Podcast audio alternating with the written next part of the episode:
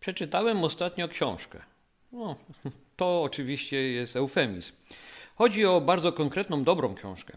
Księdza kardynała Gerharda Müllera pod tytułem Prawda. Raport o stanie Kościoła. Intuicja podpowiada mi, że ty tytułem tym autor chciał nawiązać do o kilkadziesiąt lat wcześniejszej publikacji kardynała Ratzingera pod tytułem Raport o stanie wiary. Wzajemne sympatie papieża emeryta i kardynała Müllera są znane i pewnie ścieżki ich myśli biegną podobnymi drogami.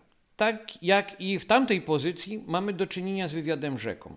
Z Ratzingerem, co tylko przypomnę, a młodszym opowiem, powiem, rozmawiał Vittorio Messori, a z Müllerem Martin Lochman.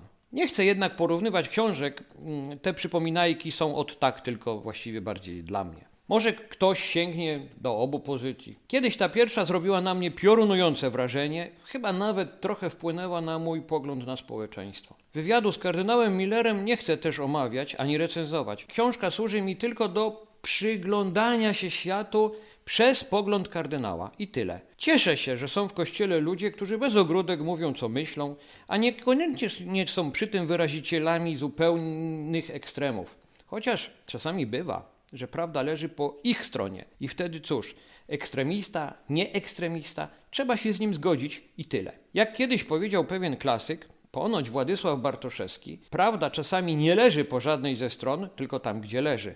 No cóż, Mądrość niby taka ludowa, a jednak coś w niej jakieś jest. Dla potrzeb niniejszej wypowiedzi zajmę się jednym zdaniem książki kardynała Millera. Żeby nie trzymać potencjalnego słuchacza w stanie niepewności, nie wiadomo do czego zresztą prowadzonej, zacytuję. Istnieje ogólnoświatowe źródło wpływów, które w żaden sposób nie jest demokratycznie czy moralnie uzasadnione. Autor tych słów uważa, że nie można załamywać rąk na fakt istnienia takiej rzeczywistości społecznej, lecz szukać możliwości przeciwstawienia się takiemu sposobowi organizowania, organizacji życia ludzi. Autor pisze jasno: są ludzie, którzy chcą decydować i niejednokrotnie decydują o życiu i śmierci całych społeczeństw, kształtują ład moralny, a właściwie niemoralny w wielu krajach, a przede wszystkim narzucają go z pozycji globalnych. Środowiska, których nikt nigdy nie wybrał demokratycznie, do roli decydentów decydują o całym świecie. Według kardynała to chrześcijańska doktryna społeczna jest drogą, a raczej instrumentem, który powinien być użyty jako narzędzie przeciwstawienia się temu źródłu wpływów. Żeby tak mogło się stać, trzeba jednak starać się, po pierwsze, znaleźć w niej źródło ożywczych inspiracji, po drugie, nie bać się używać jej dorobku, ba, starać się go twórczo rozwijać. Chrześcijaństwo, a właściwie chrześcijanom potrzeba odwagi. Gerhard Müller pisze, że zacząć trzeba od nazwania zjawisk niepożądanych. Ni mniej, ni więcej chodzi tu o to, by złem nazywać zło i odwrotnie, dobrem dobro. Dzisiejszy świat chce nam to wszystko zamazać. Dobro jest wtedy, kiedy autorytet medialny, nakręcany przez swoje źródło wpływu, mówi, że jest, a nie wtedy, kiedy istnieje ono obiektywnie.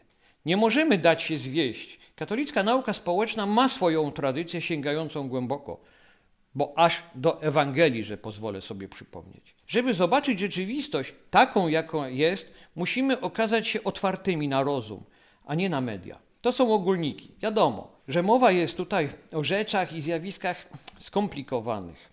Żeby coś wiedzieć, to trzeba się dowiedzieć, a media nie chcą nas informować, a przeciwnie. Niemiecki kardynał na wielu stronach swojej książki pisze o współczesnych problemach człowieka, których świat jakoś nie chce rozwiązywać.